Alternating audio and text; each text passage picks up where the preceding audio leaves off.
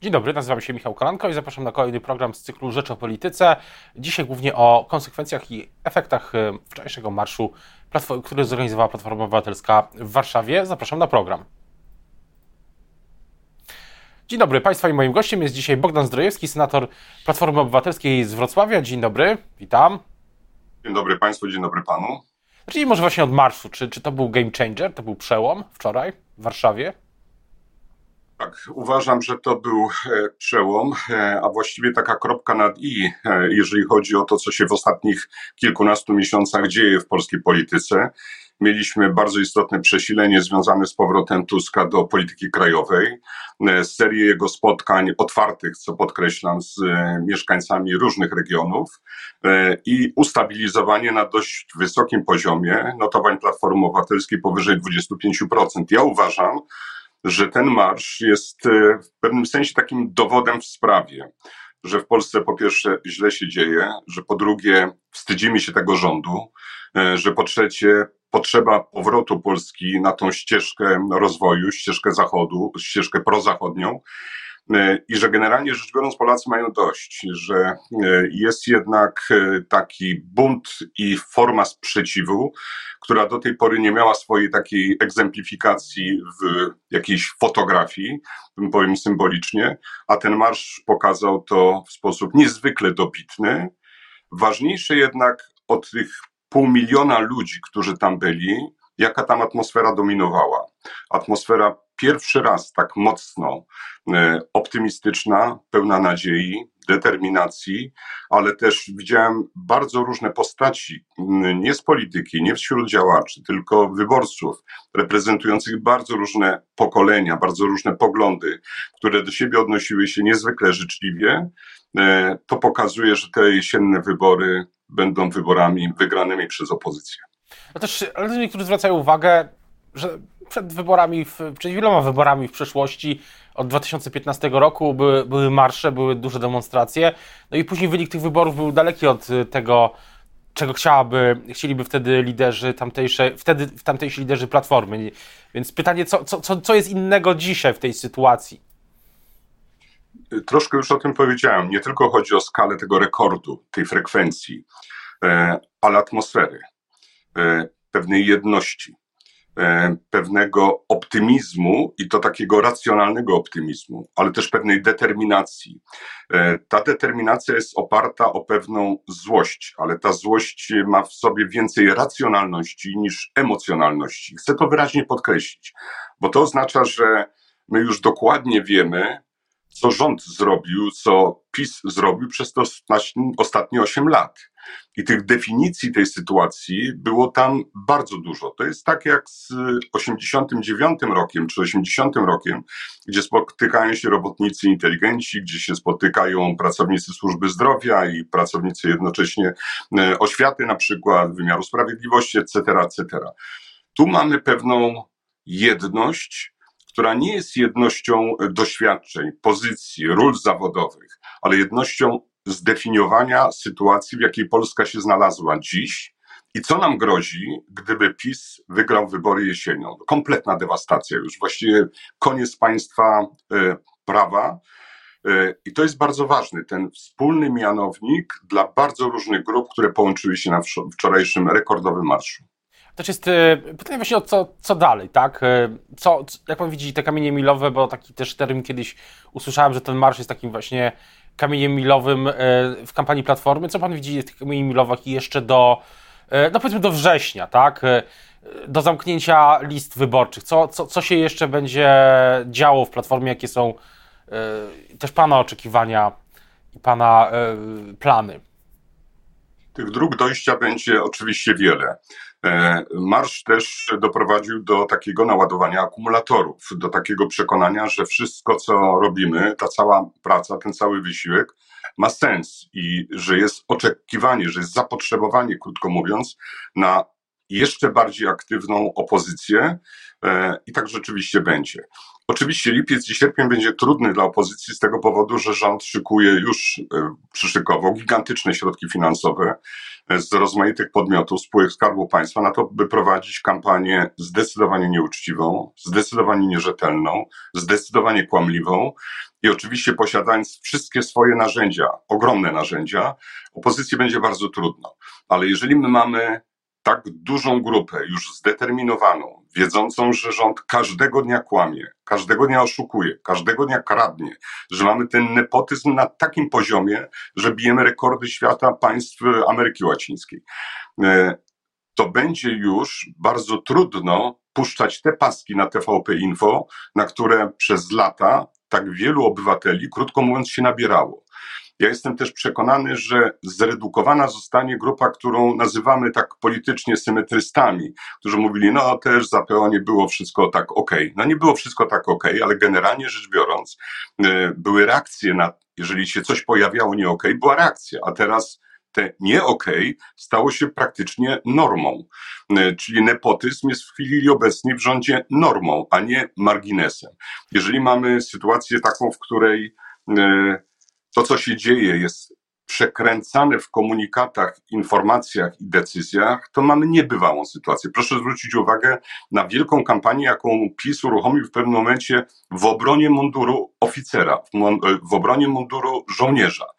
To, co zrobił Błaszczak, to jest naplucie na ten mundur oficerski e, przez swoje zaniechania, przez swoje decyzje i przez, krótko mówiąc, donos na generała, jednego z najważniejszych generałów, według mojej oceny, bez uzasadnienia. Ale wracając jeszcze do samych, e, samych planów Platformy, bo z tego, co ja słyszałem ogólnie, jeszcze przed marszem, jeszcze w maju, że przewodniczący Tusk e, no, trwają, że trwają prace nad listami, a zwłaszcza nad miejscami od 1 do 5 e, w każdym 41 okręgu. Więc pytanie, czy, czy spodziewa się Pan, że, że finał tych prac e, będzie wcześniejszy niż ten wynikający z kalendarza wyborczego, czyli sierpień? Czy na przykład Platforma, przewodniczący Tusk ogłoszą kilka jedynek, czy może wszystkie jedynki, 40 jedynek e, w, już, no jeszcze przed wakacjami, czyli de facto w czerwcu? Jeśli chodzi o pracę wykonaną w regionach, ona się zakończyła.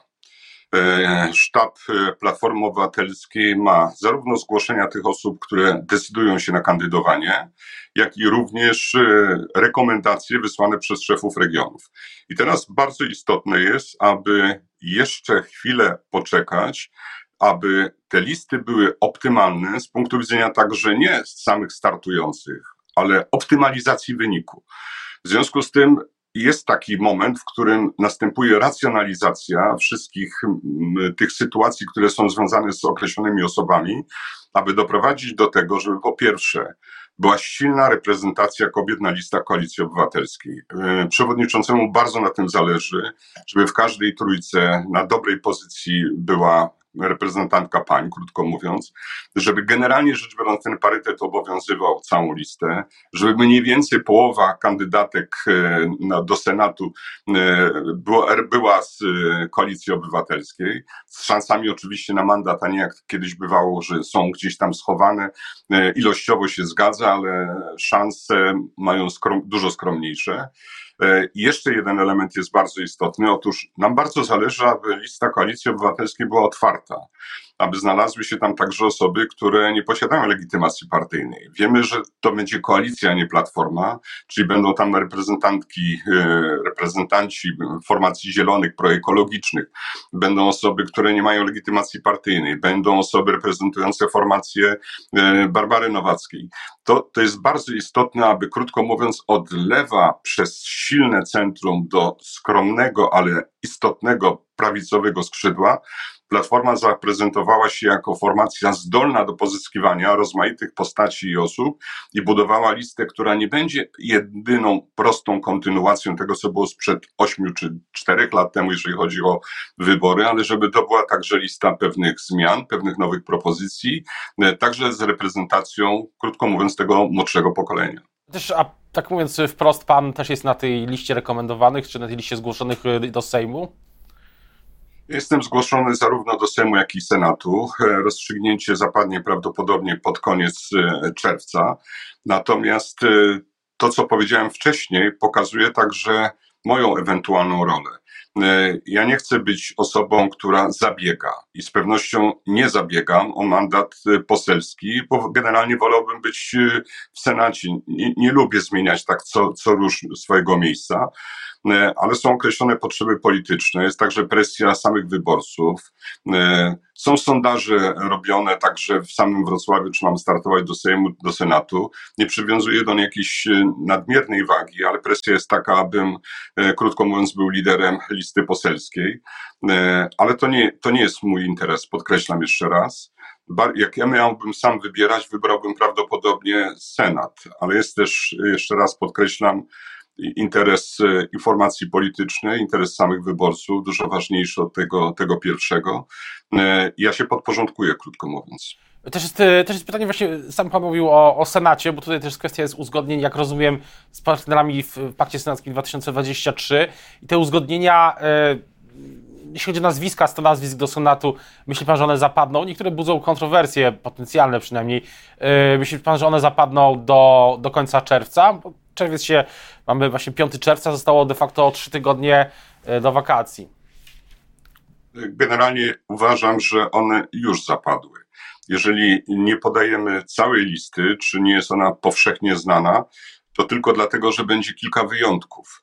I te wyjątki będą wymagały pewnego wewnętrznego uzgodnienia, które sprowadzi się do jednej kluczowej rzeczy. To, czy będzie w danym miejscu, w danym okręgu człowiek reprezentujący Polska 2050, czy człowiek reprezentujący PSL, czy człowiek reprezentujący Lewicę, czy Koalicję Obywatelską, e, zależy przede wszystkim, jakie będzie miał on szansę pokonania kandydata, kontrkandydata z PiSu.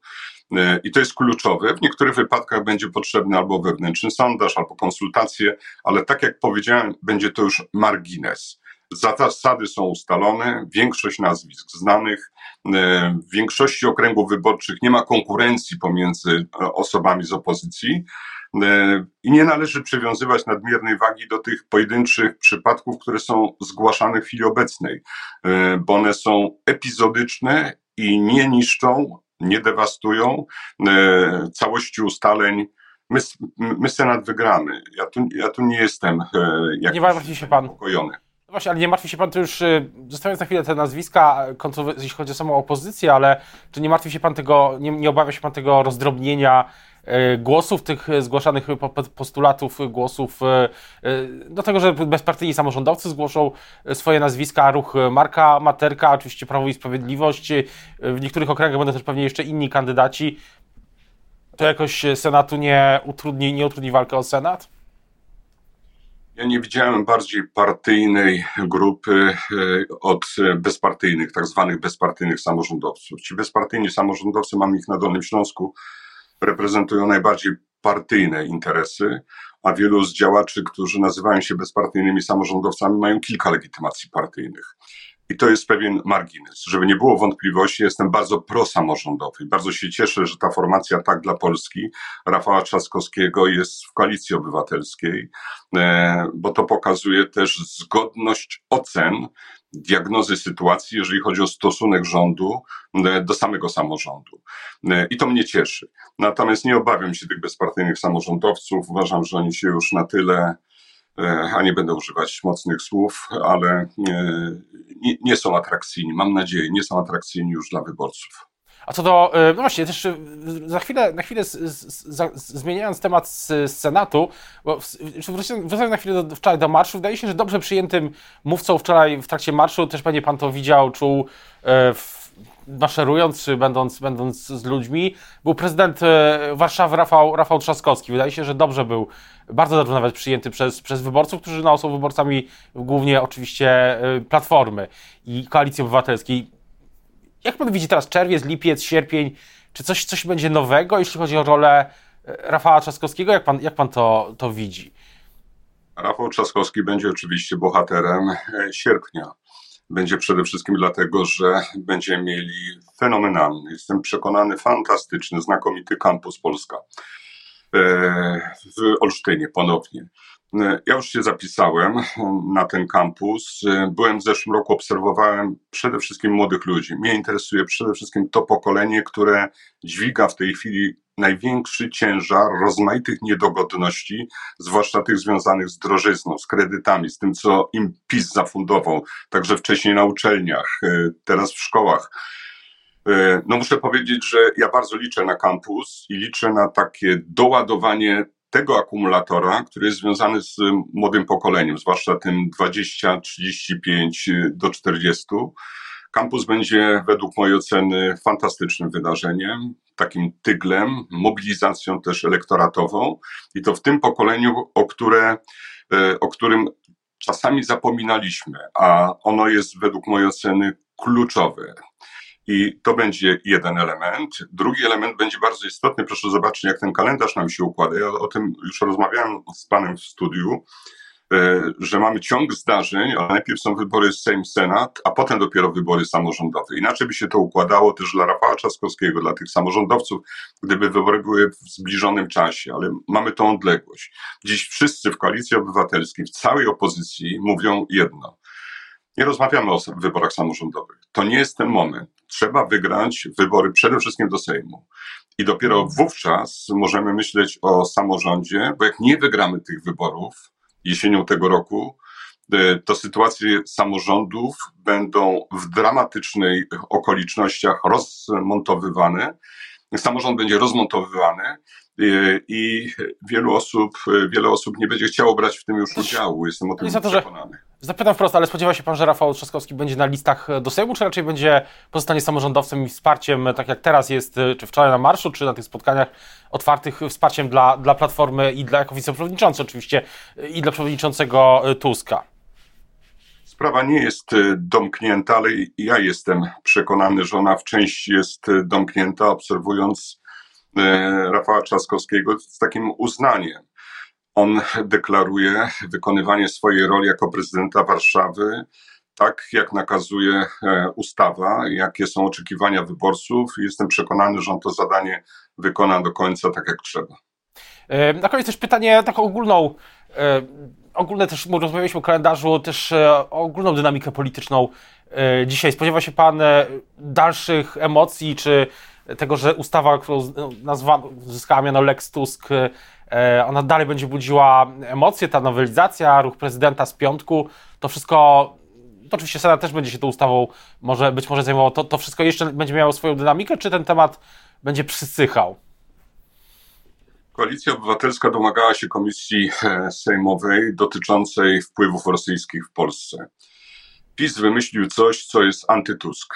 E, on chce ukryć, według mnie, wpływy rosyjskie w Polsce doprowadzić raczej do takiej decyzji, która ma charakter polityczny i widać, w jakiej sytuacji znalazł się sam prezydent. To jest absolutny rekord świata, by prezydent jednego dnia podpisywał, e, drugiego dnia wetował własne, własny, własny podpis. To jest kuriozum klasy światowej. E, ja patrzę na to z, użyję mocnego słowa, z obrzydzeniem, takim prawniczym obrzydzeniem e, i uważam, że ta dewastacja w Polsce uzyskała kolejny dowód, y, dowód, y, który będzie przedmiotem prac magisterskich, prac doktorskich, habilitacji, książek, etc., etc., ale to, to, to jest haniebne. Ja nie znajduję innych słów, ja nie nadużywam przymiotników, ale w przypadku akurat tej chęci PiSu do ukrycia wpływów rosyjskich jest taka determinacja, e, że ja nie dowierzam, e, bo uważam, że my powinniśmy się bronić przed wpływami rosyjskimi, a wygląda na to, że ten rząd zaczął od charakterystycznego włamania do siedziby NATO w Warszawie, a kończy propozycją takiej komisji, nad którą chce mieć stuprocentową władzę, aby krótko mówiąc nie pokazać tego, co sam zrobił w ostatnich ośmiu latach. O tym, e, o tych e, losach tej nowelizacji, którą zaproponował prezydent i oczywiście o e, konsekwencjach, efektach marszu będziemy pewnie jeszcze wielokrotnie, wielokrotnie mówić, jak, jak i o procesie układania listy w partiach politycznych w Koalicji Obywatelskiej. Również teraz bardzo już za rozmowę dziękuję Państwa i moim gościem. Dzisiaj był Bogdan Zdrojewski, senator Platformy Obywatelskiej z Wrocławia. Dziękuję bardzo. Ja nazywam się Michał Kolanko i zapraszam na Rzecz o Polityce w kolejnych dniach. Do usłyszenia, do zobaczenia.